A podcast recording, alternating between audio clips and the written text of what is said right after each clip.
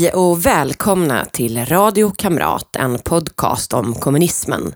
Jag som pratar heter Rebecka Weid Moivell och är moderat opinionsbildare. Jag är även kandidat till riksdagen för Moderaterna i Stockholms stad. Vill ni se mig i riksdagen? Du som är medlem får rösta i provvalet 11-17 oktober. Kryssa mig då, helst bara mig, för då ökar mina chanser att komma in. Valet är digitalt i år och jag kommer att sprida länken i alla mina kanaler när den kommer. Syftet med Radio Kamrat är att fylla det hål av kunskap om kommunismens förtryck som finns och som gör att kommunister trots all fakta ändå anses rumsrena. Jag vill med poddserien därför folkbilda och kommer sända varje onsdag till valet 2022. Vill ni som stödjer mitt initiativ om folkbildning om kommunism kan ni bidra genom att swisha till 123 444 5847 eller så stödjer ni min Kickstarter. Ni kan också bli Patreon. På patreon.com, sök efter Rebecka Weidmo så hittar ni mig där. Sponsra från 10 kronor per månad och uppåt. Svarta pantrarna och Nation of Islam som är grunden till det marxistiska Black Lives Matter, vilket jag gick igenom i somras i ett avsnitt, var inte den enda kommunistiska gruppen i USA på 60-talet. En av de andra, en mindre känd kanske, men mer extrem, är The Weather Underground.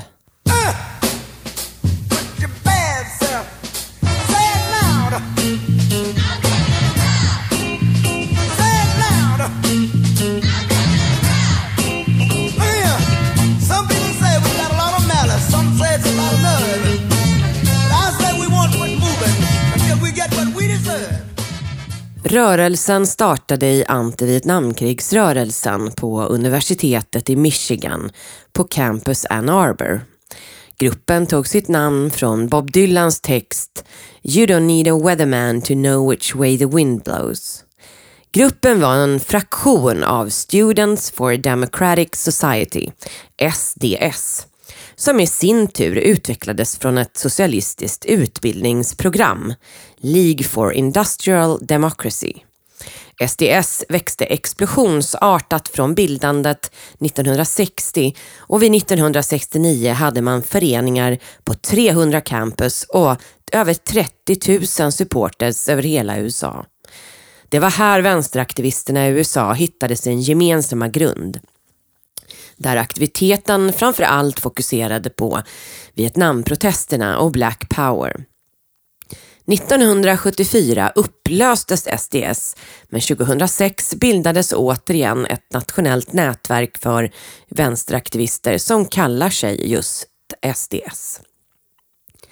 Ett projekt SDS hade var Economic Research and Action Project som syftade till att mobilisera fattiga i förorten för krav om basinkomst och politiska rättigheter för arbetarklassen i USA genom socialism. Men erfarenheterna från detta ledde till att några SDS-medlemmars drog slutsatsen att detta, denna djupa omdaning av det amerikanska samhället, inte skulle ske genom att nyrekrytera anhängare i förorter. Det skulle ta för lång tid att jobba demokratiskt och politiskt. Mer radikala metoder behövdes.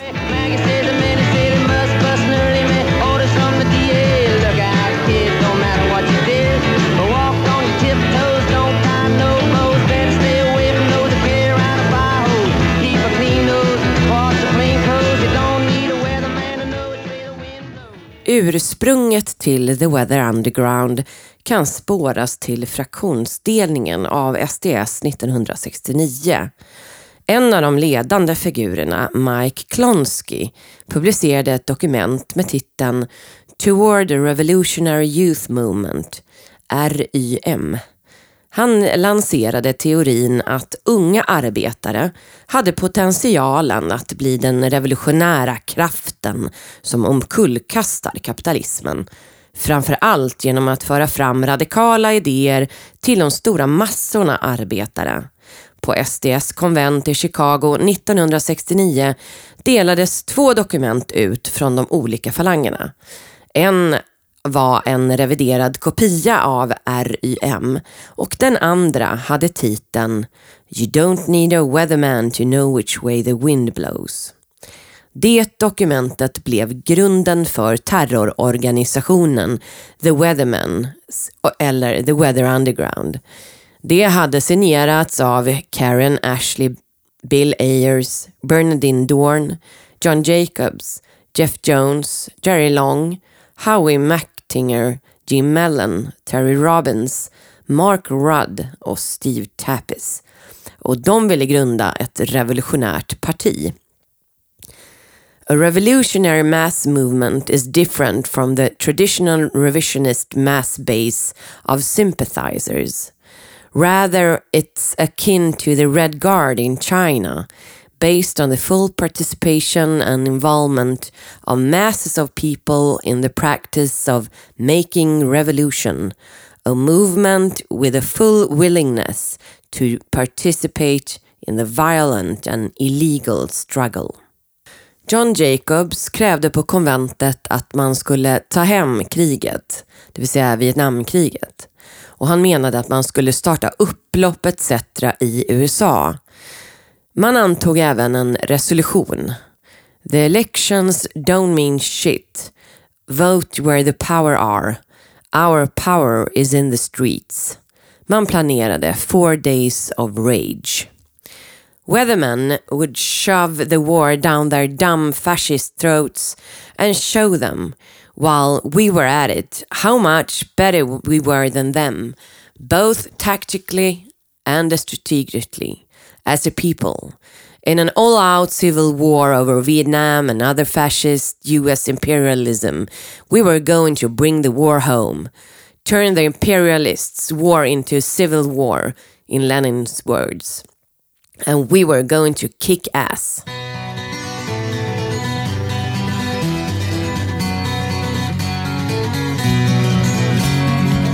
Got a letter from LBJ. It said, This is your lucky day. It's time to put your khaki trousers on.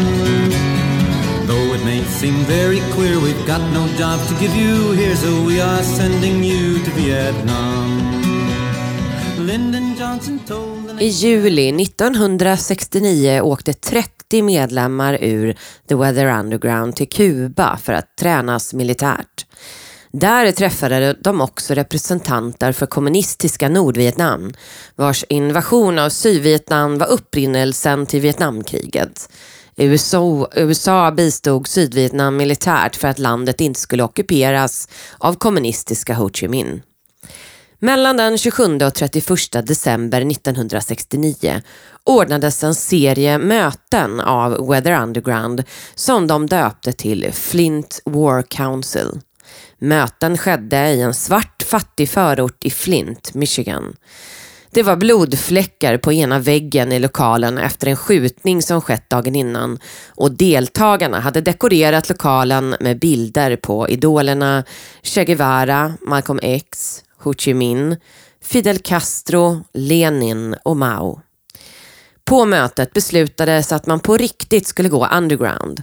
Man diskuterade också hur man skulle få tag i vapen, bästa sätten att ducka polisen och exakt hur våldsamma de skulle bli för att kunna skapa en inhemsk revolution i USA.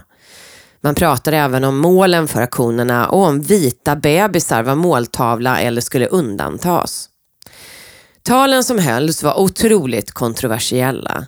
Som när Mark Rudd beskrev sig själv som Captain Ahab med målet att döda den vita valen av imperialism och spekulerade i att döda en gris eller spränga en byggnad. Det måste vara en underbar känsla. Eller Bernadine Dorn som hyllade Manson-familjens mord genom att säga Först mördade de de där grisarna, sen åt de middag i rummet med dem och sen stoppade de till och med en gaffel i grisen Tates mage. Wild. Att hålla upp fyra fingrar som en gaffel blev sedan Weather Undergrounds salut under War Council-dagarna. John Jacobs avslutade arrangemanget med ett tal där han sa We will burn and loot and destroy We are the incubation of your mother's nightmare. De viktigaste besluten var att bilda organisationer i flera städer, där New York, Midwest och Kalifornien var centrala. Det andra var att upplösa SDS. Man hade i princip tagit över organisationen och efter War Council var allt som kom från SDS rakt av från revolutionärerna. People wherever you roam And admit that the waters around you have grown And accept it that soon you'll be drenched to the bone. If your time to you is worth saving Then you better start swimming or you'll sink like a stone. Or the times they are a-changing The Weather Undergrounds ideologi byggde på Lenins teori om imperialism som den högsta formen av kapitalism. Weather Underground ansåg att det förtryckta folket är skaparna av rikedomens imperium. De har därför rätt till det. Målet med rörelsen måste därför vara att ta kontroll över rikedomen i de förtryckta folkets intresse. Målet är förstörelse av USAs imperialism och uppnå det klasslösa samhället, världskommunism. FBI analyserade resehistoriken av grundarna och de första följarna och de hade nära kontakt med vissa utländska stater, framförallt Kuba och Nordvietnam, och de influerade deras ideologi. Medlemmarnas deltagande i Venceremos Brigade, ett program SDS drev med den kubanska kommunistiska staten, gav medlemmarna möjlighet att arbeta med sockerskörden i Kuba. Detta lyfte många av grundarna upp som en viktig influens tillsammans med Kina och Mao. Weather Underground var flitiga i att offentligt tala om det som senare blev white privilege och identitetspolitik. Så rörelsen är, som jag även bevisade i avsnittet om Svarta pantrarna, en grund för dagens Black Lives Matter. Men de flesta av medlemmarna var vita själva, precis som i dagens identitetspolitiska debatt alltså. Gruppen var dessutom besatta av Charles Manson. Kort efter bildandet skapade man en centralkommitté, The Weather Bureau, som sände upp grupper till en serie av kollektiv i olika större städer. New York, Boston, Seattle, Philadelphia, Buffalo, Cincinnati och Chicago. För att göra medlemmarna hårdare utsattes de för timslånga kritiksessioner när de skulle erkänna sina tidigare borgerliga liv innan Weather Underground så kallade weather fries och alla runt om skulle kritisera. Enligt förlagar från Mao skulle medlemmarna på så vis driva ut all rasism, individualism och chauvinism. I de värsta kunde medlemmarna utsättas för konstant kritik i 12 timmar eller mer av övriga. Tekniken användes för att bryta ner folk och göra dem mer fogliga givetvis. Så arbetar alla sekter. Få folk att inte tänka själva och invända mot saker. Alla medlemmarnas egendom och ägodelar konfiskerades och användes eller såldes och pengarna användes av gruppens centralkommitté. Medlemmarna levde som rebellrörelsen, spartanskt kritiska mot monogami uppfann de något som kallades för Smash Monogamy-kampanjen, där alla par tvingades göra slut och man roterade partners för alla. Även organiserade orger skedde. Allt för att monogami ansågs vara själviskt och kontrarevolutionärt.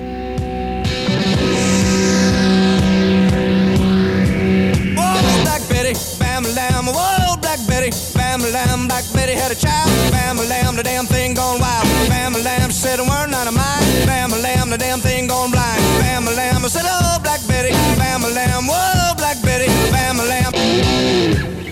Weathermen, som gruppen senare kallades, var en inhemsk terrorgrupp som använde våld.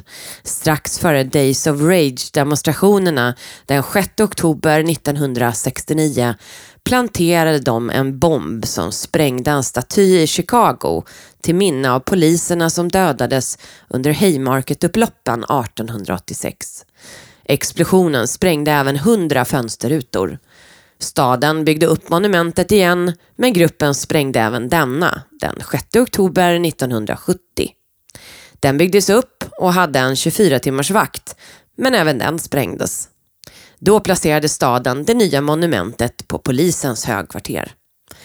Den 8 oktober 1969 skapade man ett upplopp i Chicago där man slog sönder vindrutor iförda motorcykelhjälmar. Sex personer sköts av polis och 68 arresterades. Två dagar senare skapade man ett till upplopp som slog sönder bilar och skyltfönster. The Rage kostade Chicagos skattebetalare 183 000 dollar. Den 21 februari 1970 exploderade tre molotov cocktails på trappen till en av de högsta domstolens domare, John M. Murtaugh, som var domare i rättegången mot de så kallade Panther 21-medlemmarna av Svarta Pantrarna. Medlemmarna hade tänkt bomba viktiga landmärken och varuhus i New York. Några timmar senare kastades molotov cocktails mot Columbia Universitys bibliotek på andra våningen. Fem medlemmar gjorde bomber i ett townhouse källare i New Yorks Greenwich Village den 6 mars 1970 när en bomb råkade detonera. Diana Auton, Ted Gold och Terry Robbins dödades. Två andra undkom oskadda. Bomberna de gjorde var avsedda att döda militärer som skulle delta på en dans på Fort Dix och döda folk på biblioteket på Columbia. Som svar på Svarta pantrarna Fred Hampton och Mark Clarks död i december 1969 förklarade gruppen krig mot USA. Gruppmedlemmen Bernadine Dorn sa We felt that murder of Fred required us to be more grave, more serious, more determined to raise the stakes and not just be the white people who wrung their hands when black people were being murdered. Den 7 juni 1970 detonerade en bomb gjord av tio dynamitgubbar på en polisstation i New York. Den 1 mars 1971 placerade gruppen en bomb vid senatsbyggnaden på Capitol Hill. Ingen dog, men skador för hundratusentals dollar uppstod. Den 19 maj 1971, på Ho Chi Minhs födelsedag, placerade gruppen en bomb på damtoaletten i den delen av Pentagon där flygvapnet är. Explosionen orsakade översvämning i lokalen som förstörde datorer och viktig säkerhetsklassad information.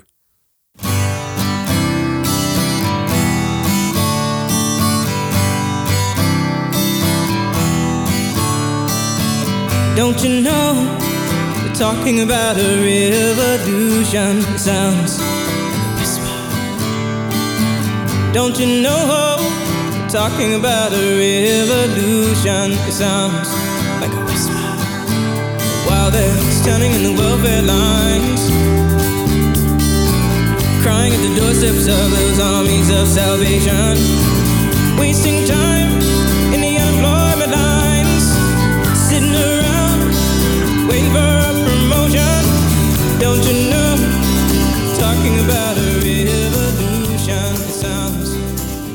De mest kända medlemmarna i The Weathermen var Kathy Boudin, Linda Sue Evans, Brian Flanagan, David Gilbert, Ted Gold, Naomi Jeff, Jeff Jones, Joe Kelly, Diana Outen, Eleanor Raskin, Terry Robbins, Mark Rudd, Matthew Steen, Susan Stern, Laura Whitehorn, Eric Mann, Kathy Wilkerson and the married couple Bernadine Dorn and Bill Ayers.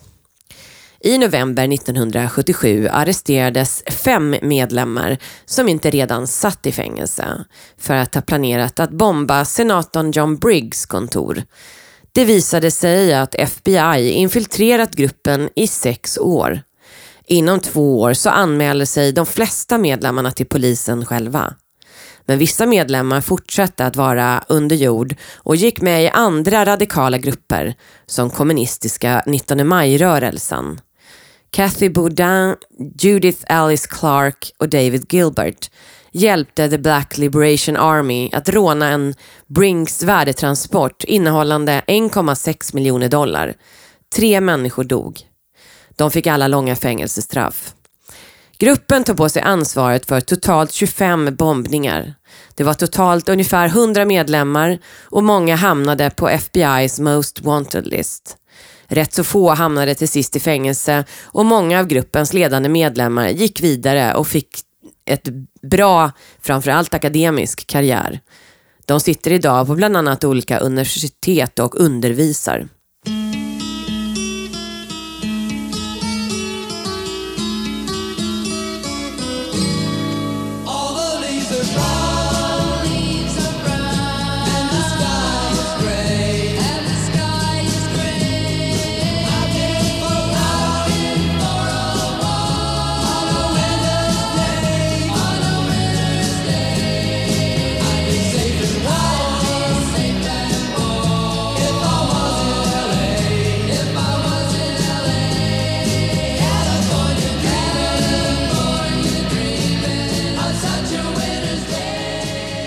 The Brotherhood of Eternal Love. Så hette en organisation av knarkare och eh, drogdistributörer. De kallades Hippie Mafia av polisen och producerade och sålde droger med målet att starta en psykedelisk revolution i USA. 1968 dök de första upp. De orangea tabletterna med 6 mm i diameter som döpts till Orange Sunshine, LSD. Organisationen startades av John Griggs som ett kollektiv, men 1969 började de tillverka LSD och smuggla in hash.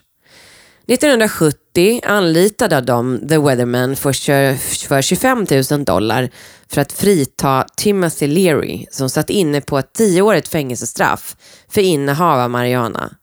De skulle hjälpa honom att fly till Algeriet.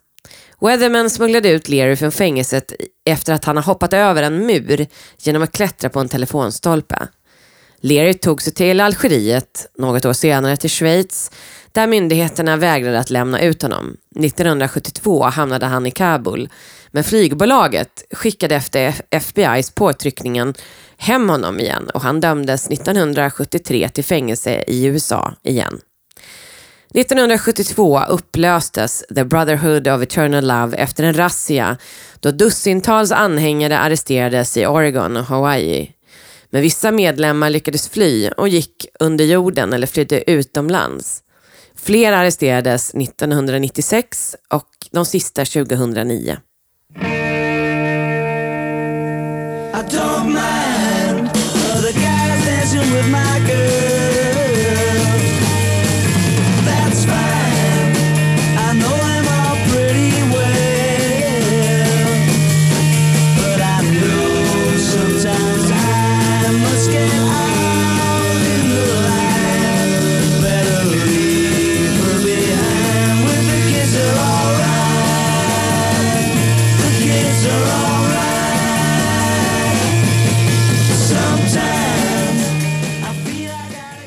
Många av medlemmarna i den kommunistiska terrorgruppen gick som sagt vidare till framstående positioner i samhället. Mark Rudd skrev en artikel i Harper's Bazaar med rubriken The Kids Are Right. Han undervisar i matematik och reser fortfarande runt som en politisk aktivist. Han är involverad i det nya SDS och tror fortfarande på kommunism. Kathy Wilkerson, hon undkom döden i Greenwich Village-bomben eh, som hade tänkt att döda andra, men dödade tre av fem. Hon har undervisat i matematik på gymnasiet och hon tror fortfarande att de hade rätt. Hon intervjuas i ett klipp ni ska få höra av en annan revolutionär kommunist, Bobby Rush, som är riksdagsledamot för Demokraterna för Illinois. Bobby Rush var med och grundade Svarta pantrarna. Här hör ni en intervju av honom, av henne, i C-SPAN. We're here with Kathy Wilkerson. Kathy, is an honor, a privilege, and I tell you, it's just good to be here this morning with you. I am just so delighted uh, to have this opportunity, particularly after reading your new book entitled Flying Close to the Sun. It's about Kathy Wilkerson. Kathy, again, welcome. Well, thank you. It's an honor and a pleasure to see you. Great. All right. Let's let's. This is going to be a just a brief time that we're going to be able to spend together because I have so many questions and I am so riveted by your book. Uh, and I think we, we just won't have enough time. So let's let's just begin, if you will. Um, well, you and I, we survived. That we did. Okay. You had an incident at the townhouse where three of your comrades were killed.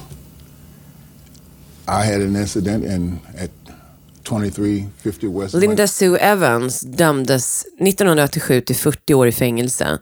Bill Clinton benådade henne 2001. Kathy Baudin är professor på Columbia University. Hon kom från en lång linje av kommunister. Hennes pappa hade varit advokat till exempel åt den, och den kubanska statens vägnar och hennes pappas farbror var en känd marxist.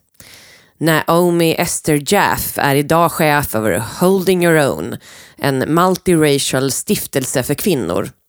Bernadette Dorn är juridikprofessor på Chicago Law School och hon är fortfarande gift med Bill Ayers som också var grundare.